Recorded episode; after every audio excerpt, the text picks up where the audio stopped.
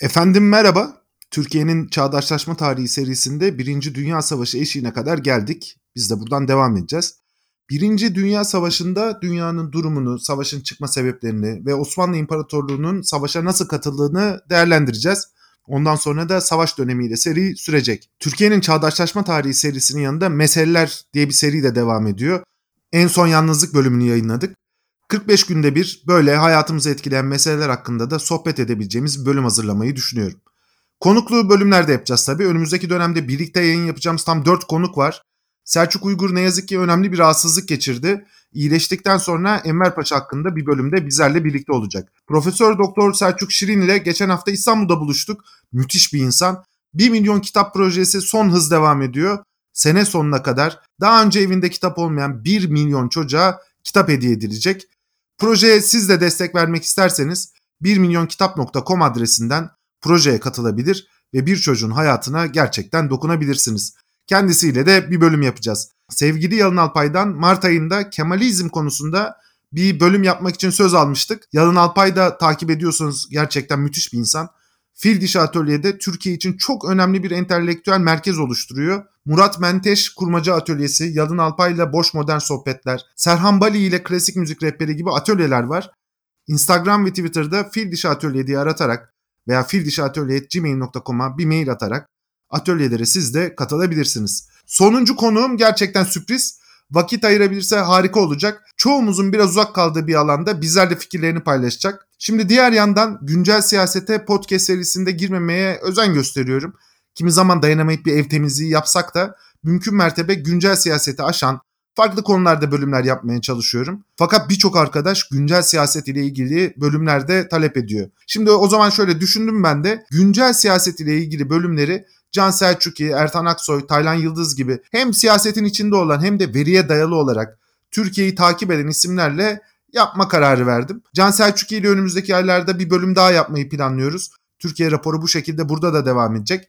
Ertan Aksoy ve Taylan Yıldız ile de tekrar buluşacağız. Farklı konuklarımız da olacak. Türkiye'deki güncel verileri, hani halkın Türkiye'nin gidişatı hakkında ne düşündüğünü öğrenmek isterseniz Türkiye raporuna üye olmanızı da tavsiye ederim. Şimdi reklamlar burada bitmiyor. Instagram hesabında harika sorular, öneriler geliyor. Cumartesi akşamları saat 10'da Immanuel Tostoyevski ile canlı yayın yapıyoruz. Bir takım meseleler hakkında dünyayı ve galaksiyi kurtarıyoruz.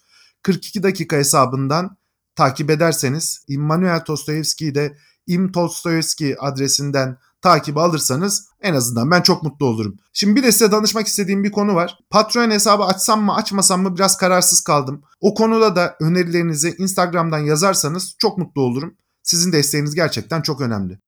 Şimdi malum Türkiye'de tarih anlatılmıyor. Tarih üzerinden Türkiye'nin bugününe ilişkin bir siyasi söylem inşa ediliyor ve insanların zihinleri uydurulmuş tarihiyle manipüle edilip güncel siyasetin gerekleri çerçevesinde yeniden üretiliyor. Geçenlerde vefat eden Yavuz Bahadıroğlu gibi isimler yıllarca bu tipte bir tarih anlayışının önde gelen silahları oldular. Bilerek ve isteyerek gerçek tarihi çarpıttılar. Tarih okumasını bozdular. Menkibeler, masallarla dolu yeni bir tarih üreterek siyasal İslam ideolojisinin tezlerini insanların zihinlerine taşıdılar. Daha birkaç yıl önce devletle hizmet arasında kalamam, ikisi de benim diyen Atatürk'ün manevi kızı Afet İnan'la birlikte olduğu gibi ipe sapa gelmez laflar eden bir adamın cenazesine tüm kabinenin katılması da bu yüzden boşa değil. Kendi egemenliğini bu yalanlara dayandıran insanlar elbette bu yalanları üretenlere de vefa borçlarını ödeyecekler. Sahip oldukları maddi ve manevi tüm imkanlar yalanlar üzerine kurulmuş, riyakar bir anlatının üstünde yükseliyor. Biz tarih konuşurken bu yüzden bugünden ve kendi geleceğimizden bahsediyoruz. Tarih yalnız geçmiş bir şey değil. Siyasallaştığı oranda geleceğimizi de şekillendiriyor. Yalanları yok etmenin tek yolu da gerçeği çok sıkı bir şekilde öğrenmek ve anlamak. İstikrarlı bir şekilde gerçeği anlatmak, yalanlarla doldurulan bu koca alanda mücadele etmek zorundayız. Bunun bir cephesi de Osmanlı döneminde yaşam, hayatın ta kendisi. Bize öyle bir anlatıyorlar ki sanki Osmanlı'daki insanlar sahabe gibi yaşıyor. Gerçek bu değil tabii ki. Padişahlar bahçelerde zevk ve sefa alemleri yapıyor, şaraplar içiliyor, şiirler okunuyor, açık saçık şakalara gülünüyor, rakkaslar dans ediyor. İnsanlar da sahabe gibi yaşamıyor. Meyhaneler dolup taşıyor. İnsanlar bakkalların arkasına atılan koltuklarda rakılarını içiyor. Gezici meyhane denilen sırtında rakısını taşıyıp bir kadehe rakı döken esnaftan yolluk alıp millet evine gidiyor. Osmanlı'da günlük yaşam bize anlatılan mitolojik Osmanlı masalının ne kadar büyük bir yalan olduğunu gösteren sayısız örnekle dolu. O örneklerden biri de Osmanlı'da yaşanan aşk hikayeleri. Bu bölümü hazırlarken Reşat Ekrem Koçu'nun 3 kitabından yararlandım. Haydut Aşkları, Kafes Arkası Günahkarları ve Aşk Yolunda İstanbul'da neler olmuş. Hepsini öneririm. Şimdi 42 dakikanın yeni bölümünde konumuz Osmanlı tarihinde yasak aşklar. Kadın korsan Despina, Vefalı Hanım, Gün Görmez Debibi Hanım ve Çeçen Paşa kızının hikayeleri arasında Osmanlı'da günlük hayata bir yolculuk yapacağız. Hepiniz tekrar hoş geldiniz.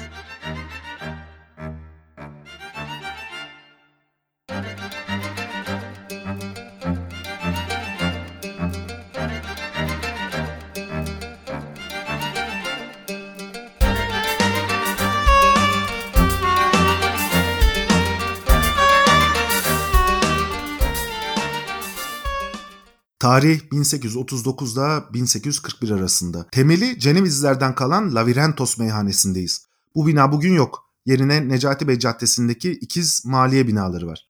Yüzyıllar boyunca müşteri portföyü çok değişmedi. Bir gemici meyhanesiydi.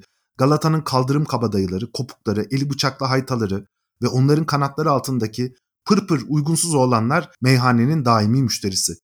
Meyhaneye Türkler arasından ayak takımından beli bıçaklı, eli sakar, kayıkçı, maunacı, salapuryacı, yalı uşakları geliyor. Rum, İtalyan, Maltiz, Fransız, İngiliz, İspanyol 70 milletten gemici takımı burada. Meyhaneci ilaççıları, çırakları Rum. Sakiler Sakız Adası'ndan getirilmiş tertemiz Rum gençleri. Meyhanenin içerisi biraz hayal gücümüzü süslesin. Zemin döşeli, kapıdan girince sağda oymalı, nakışlı ve mermer sütunlu bir tezgah var. Dip duvar boyunca da üst üste çapı bir adam boyunda dev fıçılar dizili. Fıçıların içi 10-15 hatta 40 yıllık şaraplarla dolu. Rakı kocaman hasırlı damacanalarla mahzende duruyor, dinleniyor. Meyhanede masa yok. Açılır kapanır bodur sofra iskemlesi üstünde kalaylı büyük bakır sinilerle sofra kuruluyor. Sofra başında bodur bir iskemle var. Lavirentos da öyle önüne gelen sofraya oturamaz. Hem dolgun bir kese lazım hem de bıçak kullanmasını bilen bir bilek lazım. Tezgah üstünde ayakta bir iki tek atıp gidecek olanlar için hazırlanmış rakı kadehleri, şarap bardakları, içinde fasulye piyazı, lahana, biber turşusu, leblebi gibi mezeler bulunan tabaklar var. Sofra kurduramayan burada yolunu buluyor. Üst katta dört büyük oda var. O odalar yanına bir sine bülbülü yani lafın güzelliğine dikkat isterim. Sine bülbülü yani sevgili alıp alem yapan namlu zorbaların, korsanların, gemicilerin halvet yerleri. Odalar dolduğu zaman tezgah başındaki gençler soruyor. Yukarıda kim var? Barba yani meyhanenin sahibi gençleri tanıyor. Güveniyorsa cevap veriyor. Deli Fransız, Maltiz Marco, manyal kaptan var. Taze gençler bu namlu korsanların, kaptanların hayatına özeniyor. Barba'ya yalvarıyor beni de tanıştır. Kimi zaman bu gençler hayallerine kavuşuyor. Gemilerin tayfası arasına karışıyor. Uzak denizlere yelken açıyor. Muhtemelen türlü rezaletten sonra da hayatını kaybediyor. Lavrentos'un mutfağı çok meşhur. Aşçıları balık ve et yemeklerinde usta. Mesela mürekkep balığından yapılmış kapkara bir yahninin şöhreti Napoli'ye, Marsilya'ya, Kadiz'e kadar ulaşmış durumda. İstanbul'a gittin mi Lavrentos'ta avşa şarabı içeceksin, mürekkep balığı yahnisi yiyeceksin. O dönem meyhanelerde bir de köçek yarışı var. Bugünkü futbol maçı gibi büyük dikkatle takip ediliyor. Sayısız köçek birbiriyle müthiş bir rekabet içinde. Her meyhanenin kendi köçeği, her köçeğin namlı aşıkları, delileri, mecnunları var. Kız Mehmet, Rumali, Sakızlı Tavşan, Yahudi Kıvırcık, Pamuk, ablasından Güzel Todori, Gümüş Topu Mustafa, Tavşan Pandeli, Kıpti Yasemin İbrahim, sayısız meşhur köçek. Meyhanelerde program yapıyor. Meyhane ahalisini aşka getiriyor. Bu namlı köçekler dahi korkularından Lavirentos'un içerisine adım atamıyor. Meyhanenin öyle dehşetli bir havası var. Bizim hikayemiz Lavirentos'ta bir gece başlıyor. Son müşteriler de gittikten sonra meyhaneye iri yarı iki gemicisiyle Despina kaptan geldi. Yaş kırkın üstünde uzun boylu iri kemikli erkek yapılı vücuduna erkek giysisi giymiş, gözleri içkiden kan çanağı, kocasıyla babasından kalmış bir perkende ile denizde dolaşan esrarengiz bir kadın. Perkende veya bergende yabancı donanmalarda adı Brigantin, Osmanlı donanmasında 33 veya 40 zira boyunda 18-19 oturaklı baş tarafında top bulunan çok süratli bir savaş gemisi. Despina kaptanın hemşerisi olan Toma Tomaidis Despina'nın geçmişi hakkında çok bilgiler vermiş. Korsan Despina kaptan Namavret'in Serencamıdır isimli risalede bu bilgiler yer alıyor. Despina kaptan Eğribozlu'dur. Petraki kaptanın kızıdır. Petraki kaptan zengin adam. Üç gemisi var. 15 yaşında olan kızı Despina da o zamanlar bir dünya güzeli. Erkek evladı olmadığı için bu güzel kız gayet serbest yetişmiş. Bütün kızlar ev işleriyle uğraşırken Despina sokakta oğlan çocuklarıyla oynuyor. Onları hatta dövüyor. Petraki kaptan ne yazık ki felaket üstüne felaket yaşadı. Sahip olduğu üç gemiden ikisi bir ayda fırtınada battı. Bir uşağı bir gece bin altınını çalıp kaçtı. İstanbul'da havyarcılık yapan ortağı da Petraki'nin sermayesini iç edip Avrupa'ya gitti. Adamcağızın elinde tek gemisi kaldı. Petraki, Despina'yı bu tek geminin kaptanı Pavli isimli bir adama verdi. Evlilikleri sırasında Despina 15, Pavli 45 yaşında. Evlendikleri gün gemi yolculuğa çıktı. Despina beyaz gelinlik ve beyaz duvakla bindiği gemiden ayaklarında çizme, şalvar, belinde kuşak, kuşağında tabanca, bıçak, sırtında fermane cepken ve başında mavi püsküllü fesle indi. Eğri bozda bir ay kaldılar. Karı koca her akşam meyhaneye gittiler. Etraflarına gemicileri topladılar. Çalgı, oyun, naralar atarak eğlendiler. Kör kütük sarhoş oldular. Çok iyi anlaşan bir çiftti.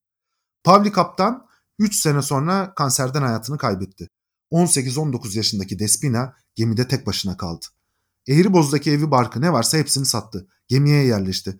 Ahali onun için ayyaş bir fahişe oldu diyordu.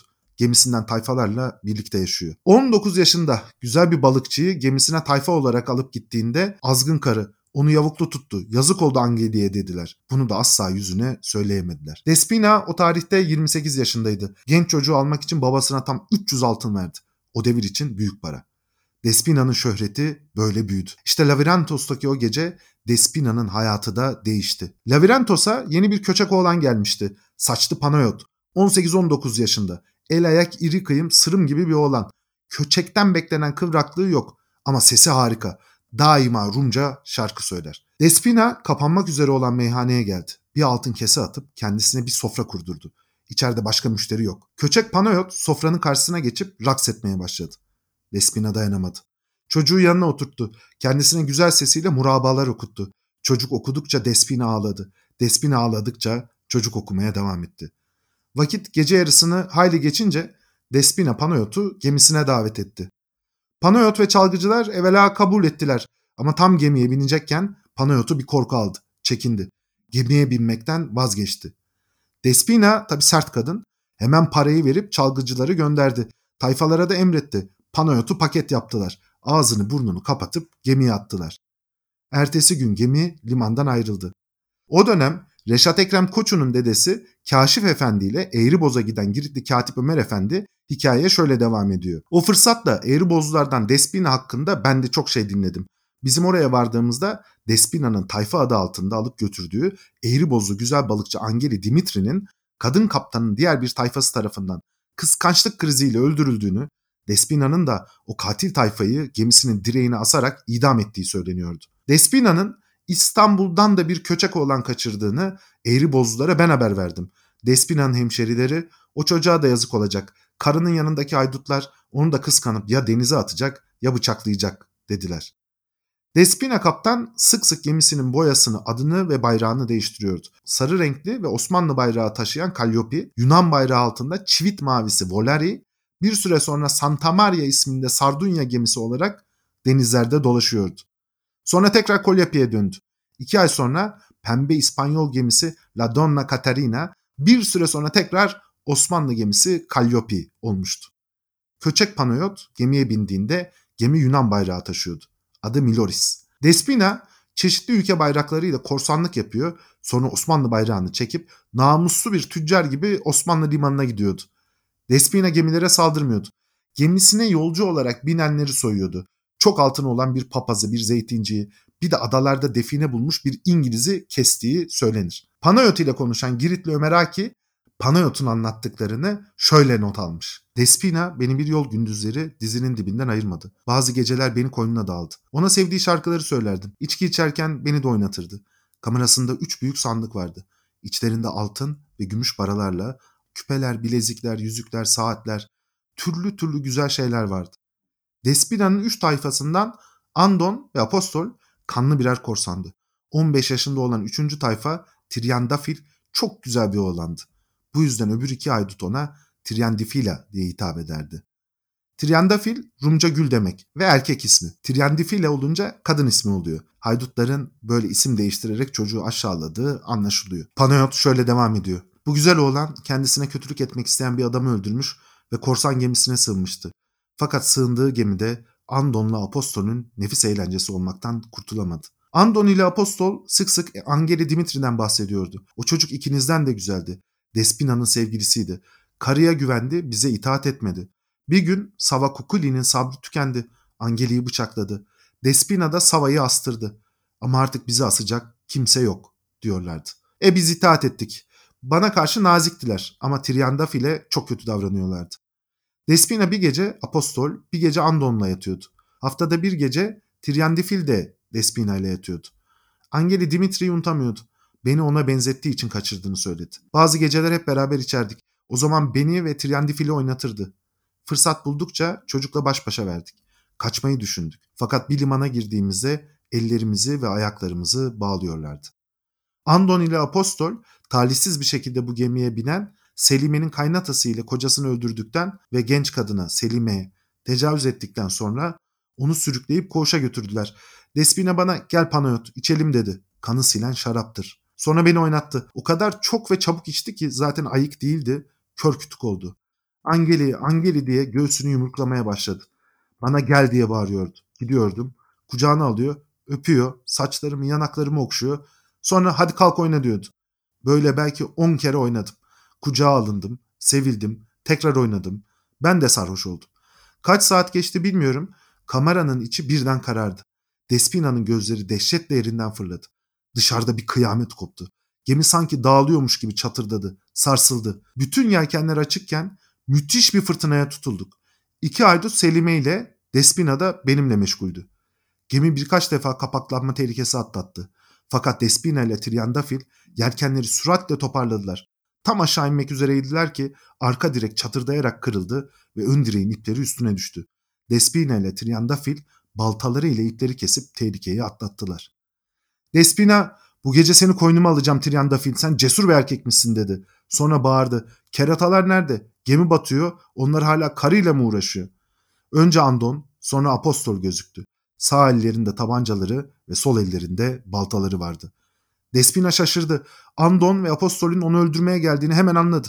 Haydutların ikisi sarhoştu. Despina hepsinden fazla sarhoştu. Andon önde, Apostol bir adım arkasında yalpalayan gemide düşmemeye çalışarak ilerliyordu. Despina ile Triandafil kış tarafta kamera kapısına tutunup zor ayakta duruyordu. Ben olanları dehşet içinde izliyordum. İki aydut on adım kalana kadar yaklaştı. Gemi tam o sırada bir yana yattı. Haydutlar yere düştüler. Triandafil o anda harekete geçti. Despina'nın tabancasını aldı. Yerde yatan Andon'a yaklaştı. Kafasına silahı boşalttı. Sonra Apostol'ün yanına gitti. Onu da öldürdü. Bir süre haydutların cansız bedenini izledik. Sessizliği Despina bozdu. Benim kahraman erkeğim diye bağırdı. Her tarafını öpmeye başladı. Triandafil haydutların cesedini denize atmak istedi ama Despina ona engel oldu. Her iş yarın sabah dedi. Bu gece içip sevişeceğiz. Tam bu esnada birden ileri baktı, gözlerini kapattı. İşte şimdi her şey bitti dedi. Mahvoldum. Dürbünle baktığında ileride padişah donanmasının gemileri gözüküyordu. Selime ile beni kayağa koydular. Biz o kayalık sahile güçlükle çıktık. Kalyopi karanlığa gömülmüş kaybolmuştu. Uzakta donanmanın ışıkları gözüküyordu. Triandafil ile Despina gemide kalmıştı. Despina'nın sonu ne yazık ki kötü bitti. Donanma Kalyopi isimli gemiyi alıp Bodrum limanına demirledi. Donanma askerleri gemiye girdiklerinde Despina'yı direkte asılmış buldular. Despina gece Triandafil ile sevişip içtikten sonra çocuk uyuyunca ellerini ayaklarını bağlamış sonra sabaha karşı kadın giysileri giyip kameradan çıkmış kendisini direğe asmıştı. Triandafil'i prangaya vurup İstanbul'a götürdüler. Köçek Panayot'unda sonu belirsiz denizlerin gezgini aşık korsan Despina gönlünde aşık olduğu insanın yarası ve işlediği suçların ağır yüküyle hayata veda etti. İkinci Mahmut döneminin sonuyla birinci Abdülmecit döneminin hemen başında İstanbul'un canlı gece hayatından akseden bir tablo işte böyle. Şimdi biraz ileri gideceğiz. Yıl 1880 yer İstanbul. Vefalı hanım vefada Sinekli Mescit civarında oturuyor. Herkes kendisinden Vefalı hanım diye bahsediyor. Gerisini Üsküdarlı halk şairi Vasif Hoca şöyle anlatıyor. Kocası öldükten sonra şeytan çelmesine kapılıp taze olan Şehbaz Yiğit peşinde koşmaya başladı. Bu sıralarda 40 yaşını çoktan aşmıştı. İstanbul çarşı ve pazarını dolaşıp ayak takımından toy gençlerle bir yolunu bulup konuşur, ayartır, konağına işmar yoluyla davet ederdi. Hele diğer garibi bekar uşakları hanımdan esfa parçlık herhangi bir hediye de alacaklarını da umduklarından konağa giderlerdi. Hanım da onları umduklarından çok daha fazla memnun eder, bir eyyam mutlu eder, bir süre gönül eğlendirdikten sonra koynuna yenisini almak üzere hatır kırmadan uzaklaştırırdı. Bu hayatı yaşayan çoktur fakat zor iştir. Yüzüne bulaştırmadan aşkbazlık yolunda parende atanlar azdır. Kırmızı gömleğin yakası gözükmezse yeni gözükür derler. Muhittin mahallesi mutlaka fark eder. Bir pundunu bekler. Oynaşı aldığı oğlan koynundayken evini basar, curcuna kopar. Vefalı hanım da iki yıl bu yolda yürüdükten sonra Las kayıkçıyla basıldı. Eski İstanbul'un dolmuş kayıkları Haliç'in iki yakası arasında müşteri taşırken kadınlar erkeği bir arada almazlardı. Şiddetle yasaktı. Kadınları doldurduğu bir kayıkta gözüne kestirdiği kayıkçıyı Vefalı Hanım türlü sözle ayarttı. Kayıkçı Vefalı Hanım'ın tarifi üzerine gittiği Sinekli Mescid'de konağa elini koymuş gibi buldu. Önce bostana girdi. Oradan duvarı aşıp konak bahçesine ulaştı. Bir çardağa tırmandı. Hanımın işareti üzerine açılan pencereden içeri girdi. Konakta korkusu yoktu. Erkek olarak bir emektar kahya vardı. O da zaten sahır adam. İşte evleri o gece basıldı. Las Kayıkçı gayet zıpır bir oğlan olduğundan evin kapısı kırılırken zıpka ile mintaniyi geçirip çardaktan bahçeye atladı. Oradan bostana geçerek kaçtı. Gencin zıpkınlığı sayesinde Vefalı Hanım büyük tehlike atlattı. Ama artık o semtte hayatına devam etmesi mümkün değildi. Daha sonra nereye taşındığı bilinmiyor. Mumcu çırağı ile de anlatılan bir hikayesi var. Yani Vefalı Hanım aşk yolunda parende atmaya bu olaydan sonra da devam ediyor. Gün görmez Debibe Hanım da 2. Mahmut devrinde yaşayan bir hanımefendi. Anasını babasını kaybedip teyze elinde büyümüş Lebibe 15 yaşında evlendiriliyor. Kiraz dalı boy, kirpikler yanakta, saç topuklarda, kulaklarının pembesinden memelerine, el ve ayaklarının sedef tırnaklarına varınca çok güzel kadındı. Evim demiş, helalim demiş, kocasının hizmetinde pervane olmuştu. Kocası Rıza Efendi sandal bedesteni namlı tüccarlardan Ali Hoca'nın hem yeğeni hem tezgahtarı. 35 yaşında uzun boylu, iri yapılı, demir pençe bir adam. Gür kara kaşları daima çatık, kara sakallı, kafası usturayla kazılı, Molla ile korsan arasında bir görüntüye sahip. Lebibe kocasını ilk göz ağrım diye sever. 18'lik dalyanlara değişmezdi. O kadar hassastı ki laf söz olmasın diye mahalleli komşularına bile gitmezdi. Komşuluk hatrı, hakkı vardır. Gel diyenlere boynunu büker, efendi izin vermiyor derdi. Fakat Lebibe'nin güzelliği İstanbul'da dillere destan olmuştu. Esnafın külhanilerine gelince mesela süt bademi Aksaray'da, Beyazıt'ta, Fatih'te, Eminönü'nde, Üsküdar'da gün görmez Lebibe'nin dişleridir bunlar diye satılıyordu. Yarımca kiraz Lebibe'nin dudakları gibi mübarek. Karadut gün görmez Lebibe'nin yanağından elimizle topladık diye müşteri buluyordu. Rıza Efendi de tabii bunları duyuyordu. Sinirleri gerildikçe geriliyor, güzel karısına olan baskısı da habire artıyordu. Evine badem, kiraz, karadut sokmaz olmuştu. İstanbul'un namlı haşarılarından kahvecioğlu Bindallı Mustafa da Güngörmez Lebibe'nin hayaliyle yanıyordu. O dönem yalnız İstanbul'un değil, Türkiye'nin kahve kralıydı. Yaşı 30'u bulduğu halde uslanmamış, anarşi devrinde itlik havasında koşan Cezayir kesimli küçük beyler denilen azgınlar arasına karışmıştı. Cezayir kesim küçük beylerin giyim kuşamı şöyle. Başında tandır gibi bez endaze şal, vücut omuzlardan topuklara kadar çırılçıplak, çamaşır namına hiçbir şey yok. Çıplak gövde üstüne gayet kısa, şakır şakır altın sırma işlenmiş bir camedan, kolsuz bir çeşit cepken geçirilmiş. O kadar kısa ki beli açıkta onu da hiç düğmelemez. Göğüs aynası olduğu gibi meydanda belde yedi endaze şal kuşak bir ucunun yerde topuk ardınca sürtünmesi şart. Yine şakır şakır altın sırma işlemeli kısa diz çakşırı bu çakşırın paçaları da Diz kapağının dört parmak üstünde bacak baldır zaten çıplak, ayaklar yalın ayak. Baldırlarda, pazularda dövme ile yapılmış yeniçeri nişanları. Göğüs kılları usturayla alınmış. İki meme arasında yalnız 8-10 tel var. Bunlara da inci geçirilmiş, püskül gibi sarkıtılmış sine perçemi diyorlar. Sakal matruş, bıyık bektaşi kesim, zülüf kahkül salınması şart. Kışın bu zengin it kıyafetine eklemeler yapılır. Camedan altın bir gömlek, baldırlara tozluk, çıplak ayaklara çift fılar. Yani Yemeninin bir çeşidi. Omuza da beyaz yünden bir Cezayir kaputu atılır. Bin dallı Mustafa bu kılıktan sıyrılamamış, otuzuna kadar bu kılıkla dolaşmış haytanın önde gideni. İşte bu bindallı Mustafa bir gün dedi ki şu kadını bana getirene bin altın veririm. O devir için böyle bir para ki gün görmez Lebibe'yi Yeşil Tulumba'daki eviyle birlikte getirebilirler. Bu laf döndü dolaştı. İstanbul'un namlu çöp çatanlarından hamam anası Sürtük Zehra'nın kulağına gitti. Bindallı'ya koştu. Dedi ki güzel beyim 500'ünü peşin alırım. 500'ünü de karıyı getirdikten sonra alırım. Ama bir 500 altın da masrafı olur. Mustafa çok memnun oldu. Masraf için 500 değil 1000 altın veririm yeter ki işi yap dedi. Sonra Sürtük Zehra bin dallı Mustafa'ya neler yapacağını anlattı. Ertesi gün bin dallı Mustafa Güngörmez Lebibe'nin kocası Rıza'nın çalıştığı dükkana gitti. Bana bir entarilik ve lakin en alasından Fransız dibası lazımdır dedi. Rıza Efendi esnaf adam. Çeşit çeşit kumaş çıkardı. Tüm kumaşlarını övdü. Hakikaten de çok güzel kumaşlar vardı. Bin dallı Mustafa parasını bile sormadı. Üç arşın kes dedi. Fakat aksilik. Elindeki çubuğun lülesini o kıymetli kumaşın üstüne devirdi. Lülenin ateşi o güzelim kumaşta fındık büyüklüğünde bir delik açtı. Rıza Efendi ne yaptın beyim diye soracak oldu. Bunun arşını yüz altın. Mustafa ziyanı yok dedi. Yanık yeri bana ver. Bu kumaşı kapatmam olan şıldık bir yosmaya vaat ettim. Bu kadarcık özür de olsun. Aradan iki gün geçti. Sırtında yeşil ferace, başında ak yaşmak ve ayaklarında sarı pabuçla sürtük Zehra tam ikindi ezanı okunurken gün görmez Lebib'in evinin kapısına dayandı. Sürtük Zehra büyük aktördü. Aman benim güzel kızım diye ağlamaya başladı. Bana bir fenalık geldi. Bir yudum su ver. Lebibe hemen bir bardak su getirdi. Buyurun dedi içeride dinlenin. Size bir kahve yapayım. Zehra hemen içeri girdi. Bir odaya yerleşti. Rıza Efendi'nin akşam namazlarını kıldığı odaya kuruldu. Sonra Sürtük Zehra ezanın okunup okunmadığını sordu. Okunduğunu öğrenince müsaade istedi. Namazımı kılayım dedi.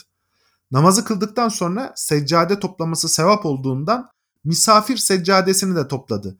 Yanık Fransız dibasını da seccadenin içine yerleştirdi. Rıza Efendi akşam eve geldi. Namaz kılmak için odaya geçti. Kendi seccadesi yanında misafir seccadesini buldu. Acaba kim geldi diye merakla misafir seccadesini açınca bin dallı denilen miras yedi baldırı çıplak Mustafa'ya sabah sattığı dibayı karşısında gördü. Rıza Bey yıldırım çarpmışa döndü ama Metin kalmaya çalıştı. Karısı Yosma olsa evi çoktan basılmıştı. Karısını sorguya çekmeyi düşündü ama herhalde kadın böyle bir durumu kabul edecek değildi. Namuslu bildiği karısı. Bin dallının kapatması olsa bile katil olmaya değmezdi. Hemen boşanabilirdi. Akşam namazını kılmadan evden çıktı. Doğru mahalle imamına gitti. İki şahit çağırttı ve burada karısını boşadı. İmam ve mahalleli şaşkın. Aman Rıza Efendi bir daha düşün dediler. Ama kimse Rıza Efendi'ye laf dinletemedi. Lebibe Hanım ne olduğunu anlayamadı. Ayıldı bayıldı. Nihayet bir komşu evine sığındı. Üç gün sonra Sürtük Zehra yine bir tanrı misafiri olarak Lebibe'nin evine gitti. Lebibe iki gözü iki çeşme başına gelenleri anlattı. Sürtük Zehra dinledi dinledi. En sonunda kızım dedi bu bir büyüdür. Büyü yapıldığı gibi de bozulur. Gel seni koç babaya götüreyim. Bir sana okusun. Bu gece de bende kalırsın.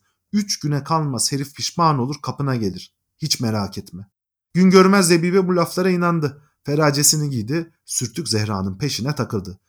Başında keçe külah, sırtında helali gömlek, sinesi ürüyan zülüfleri perişan, bektaşi kesimi bıyık yalın ayak, paçasının bağcıklarını bile bağlamamış iç donuyla bir kara koyun postu üstünde Koç Baba Lebibe'yi karşıladı.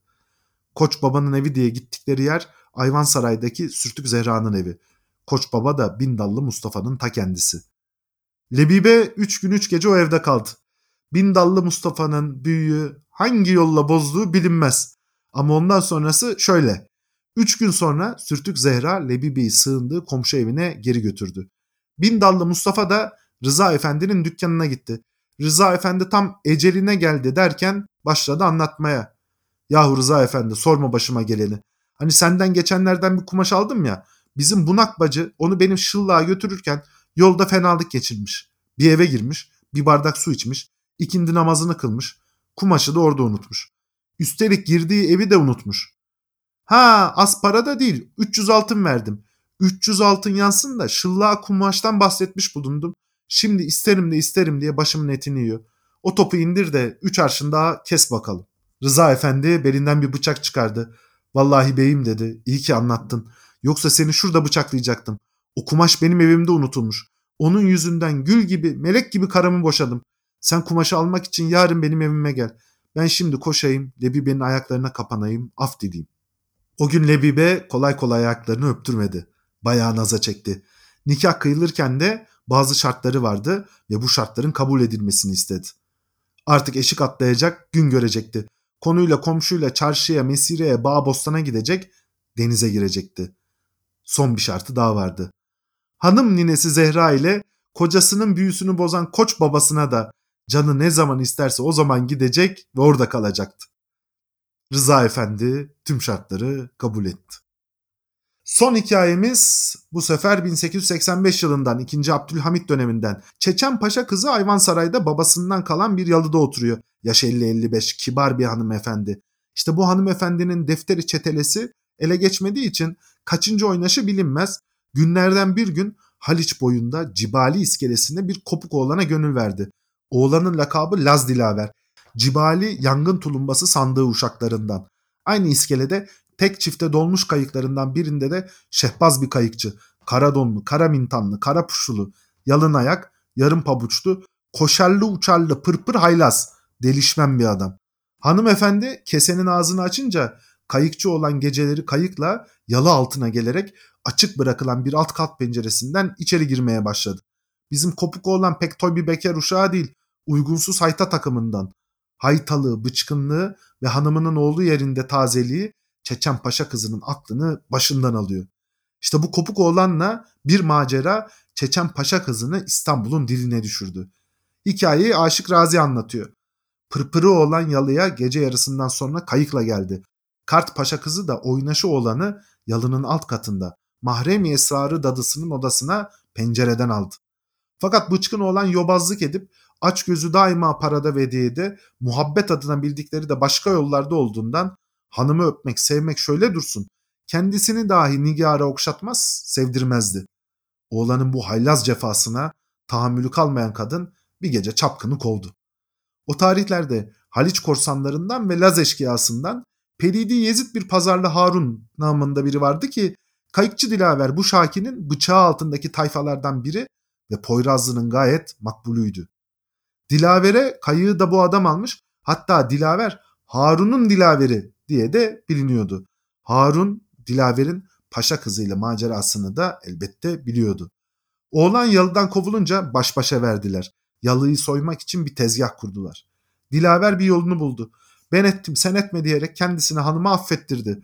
Bir gece paşa kızı hanımla muhabbetteyken korsan Harun'la üç nefer şerir adam kayıkla yalıya geldiler. Aynı pencereden yalıya girdiler. Kendilerine mahalle halkından kimse sözü vererek hanımla oğlanı muhabbet aleminde bastılar. Dilaver talimli, Çeçen Paşa kızı şaşkın, korsanların ayaklarına kapanıp yalvarmaya başladılar. Harun, hanımefendi dedi, vallahi bizi halden anlayan yiğitleriz. Yoksa bu baskını imamla komiserle yapardık. Lakin garibiz, ırzını bizden satın almaktan gayrı çıkış yoktur. Çeçen Paşa kızı ile dadı yükte hafif, pahada ağır, her eşyayı çıkartıp verdiler. Yüklüce bir vurgun oldu. Dilaver yalıda kaldı fakat Korsan Harun'la 3 ay dudu. Evden ayrılır ayrılmaz talih tersine döndü. Deniz zaptiyesi bunları kıskıvrak yakaladı. Harun zaten korsan. Kurtuluş yok. Dilaver'in adını vermemek için Çeçen Paşa kızının evini soyduklarını söyledi. Zaptiye yalıya gittiğinde biraz önce evini basan mahalleliyi bir anda karşısında gören Çeçen Paşa kızı her şeyi inkar etti. Benim evim soyulmadı dedi. Bu eşyalar zaten zinhar bana ait değildir. Deniz zaptiyesi işin içinde bir bit yeniği olduğunu anladı ama belli etmedi. Yalıyı göz hapsine aldı. Soygun gecesinden sonra Dilaver yalıdan elini eteğini çekti. Ama Çeçen Paşa kızının hasreti de özlemi de arttı. Hediyeler, paralar yolladı. En sonunda Dilaver eve vardığında pencereden atlayacağı sırada deniz zaptiyesi tarafından kıskıvrak yakalandı. Zaten uygunsuz bir genç bilindiğinden karakolda falakaya yatırıldı. Dilaver'in dili dayak yedikçe açıldı. Olan biten ne varsa hepsini anlattı. Karakol, Çeçen Paşa kızının küçük kız kardeşinin Harem-i Hümayun saraylılarından olduğunu bildiği için durumun namus kısmı örtbas edildi. Dilaver tutuklandı. Bu sefer Çeçen Paşa kızı devreye girdi. Zaptiye Nazırı Paşa'nın ayaklarına düştü. Oynaşı kayıkçıya nikahla varacağını söyledi. Daltaban oğlan da böylece yalıya üç güveysi gitti. Korsan Harun Yemen'e asker olarak gönderildi. İki yıl sonra kaçıp geri geldi. Dilaver'in hanımı ile evlendiğini öğrenince eski bıçkınına balta oldu. Türlü tehditle para çekmeye başladı. Fakat bir gece Hıdır adında 15 yaşında bir çocuk tarafından bıçaklanıp öldürüldü. Hıdır Dilaver tarafından tutulmuş bir çocuktur diyen çok oldu. Ama Hıdır bu durumu asla itiraf etmedi. Tam aksine nefsi müdafaa yaptığını söyledi. Harun'un beş para etmez bir adam olduğu herkesin malumu olduğundan Hıdır beraat etti. Fakat beraatten sonra Çeçen Paşa kızının yalısında kayıkçı olarak işe başlaması kimseyi şaşırtmadı. Şimdi Cezayir Perçemliler 2. Mahmut döneminde Yeniçerilerin genel hali. Hayta işe yaramaz tuttuğunu bekar odalarına kaçıran rezil takım. Yeniçerilerin yıkılması bu yüzden halkta büyük sevinç yarattı. Ortodoks bir Osmanlı tablosu görmeyi düşleyenler var. Değil işte bu insanlar da bizler gibi birbirlerine aşık oluyor. Birbirlerine hatta tezgah kuruyor. Türlü dolap çeviriyor ya da mutlulukla bir meyhanede rakısını içiyordu. Her yer gibi Osmanlı'da çeşitli insanlara, kültürlere ve yaşam tecrübelerine ev sahipliği yapıyor. Padişahlar esnek, pragmatik. Osmanlı döneminde yaşayanlar da kanlı canlı insanlar. İçmeyi, aşkı, oynaşmayı, sevdayı seviyorlar. Püriten bir topluluk yok. Tulumbacısı, kayıkçısı, zabiti, zabıtası, meyhanesi, korsanı, gemicisi tayfası, esnafı, köylüsü bu insanlar yaşadılar. Yaşarken de tarihe geçen hikayelere, olaylara imza attılar. Onların hikayeleri, hayatları da tarihimize başka bir gözle bakma fırsatı veriyor. Reşat Ekrem Koçu'ya bir kez daha şükranlarımı sunuyorum. Bu güzel hikayeleri yazarak, tarihe geçirerek bizlere de Osmanlı'ya da çok farklı bir perspektiften bakma imkanı verdi. Ruhu şad olsun. Bölümü beğendiyseniz sosyal medyada Instagram ve Twitter'da paylaşmayı, 42 dakika hesabını da Instagram'da takip etmeyi unutmayın. 42 dakikanın bir sonraki bölümünde görüşmek üzere. Şimdilik hoşçakalın.